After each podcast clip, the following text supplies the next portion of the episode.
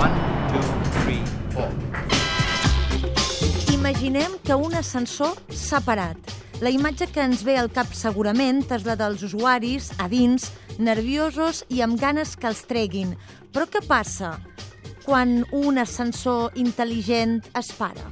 La màquina està sempre en marxa i contínuament s'està autoxequejant i quan hi ha una incidència, per exemple, una porta que sempre s'encalla, quan un, l'ascensor, per exemple, es, es, es queda parat però sense que hi hagi ningú a dintre, hi ha tot un llistat d'incidències mecàniques que l'ascensor per si mateix les detecta i llavors ell ja avisa sense tenir que esperar que, que allò vagi a més. Eh?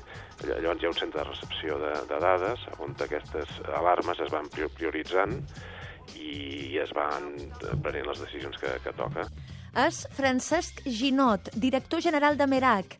Aquesta empresa en nom de Constel·lació està desenvolupant un sistema perquè siguin els mateixos ascensors els que es comuniquin amb el central. És el que s'anomena machine to machine. Ara una mica el que estem fent és desenvolupar el concepte de, de, de l'ascensor online, no? és a dir, tot, tot està connectat ara, per, perquè ens entenguem. Desenvolupant el que seria el WhatsApp de les màquines, és a dir, són màquines que estan lluny, en un punt remot, i que cal doncs, saber què els hi passa, si tenen alguna alarma, algun, alguna incidència tècnica. Ara el que tenim és la capacitat, d'una manera relativament fàcil i barata, doncs tenir informació en temps real del que està passant a un punt remot. Això és el que es, es diu la tecnologia M2M, Machine to Machine, i el que està més de moda és parlar de l'internet de les coses, no? l'IoT, l'Internet of Things.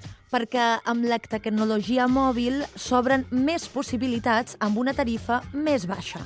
La línia fixa per 15 euros que, o 16 eh, només tenim trucada de veu de, del segle passat, per dir alguna cosa, no? En canvi, amb una línia mòbil, amb, amb tarifes específiques del sector de l'ascensor, per exemple, eh, per, per un preu molt inferior, dos euros per dir alguna cosa, vull dir, això ja depèn dels operadors i d'altres qüestions, doncs tenim trucada de veu, tenim mm, connexió a internet i tenim mm, transmissió de dades sense, sense errors de transmissió.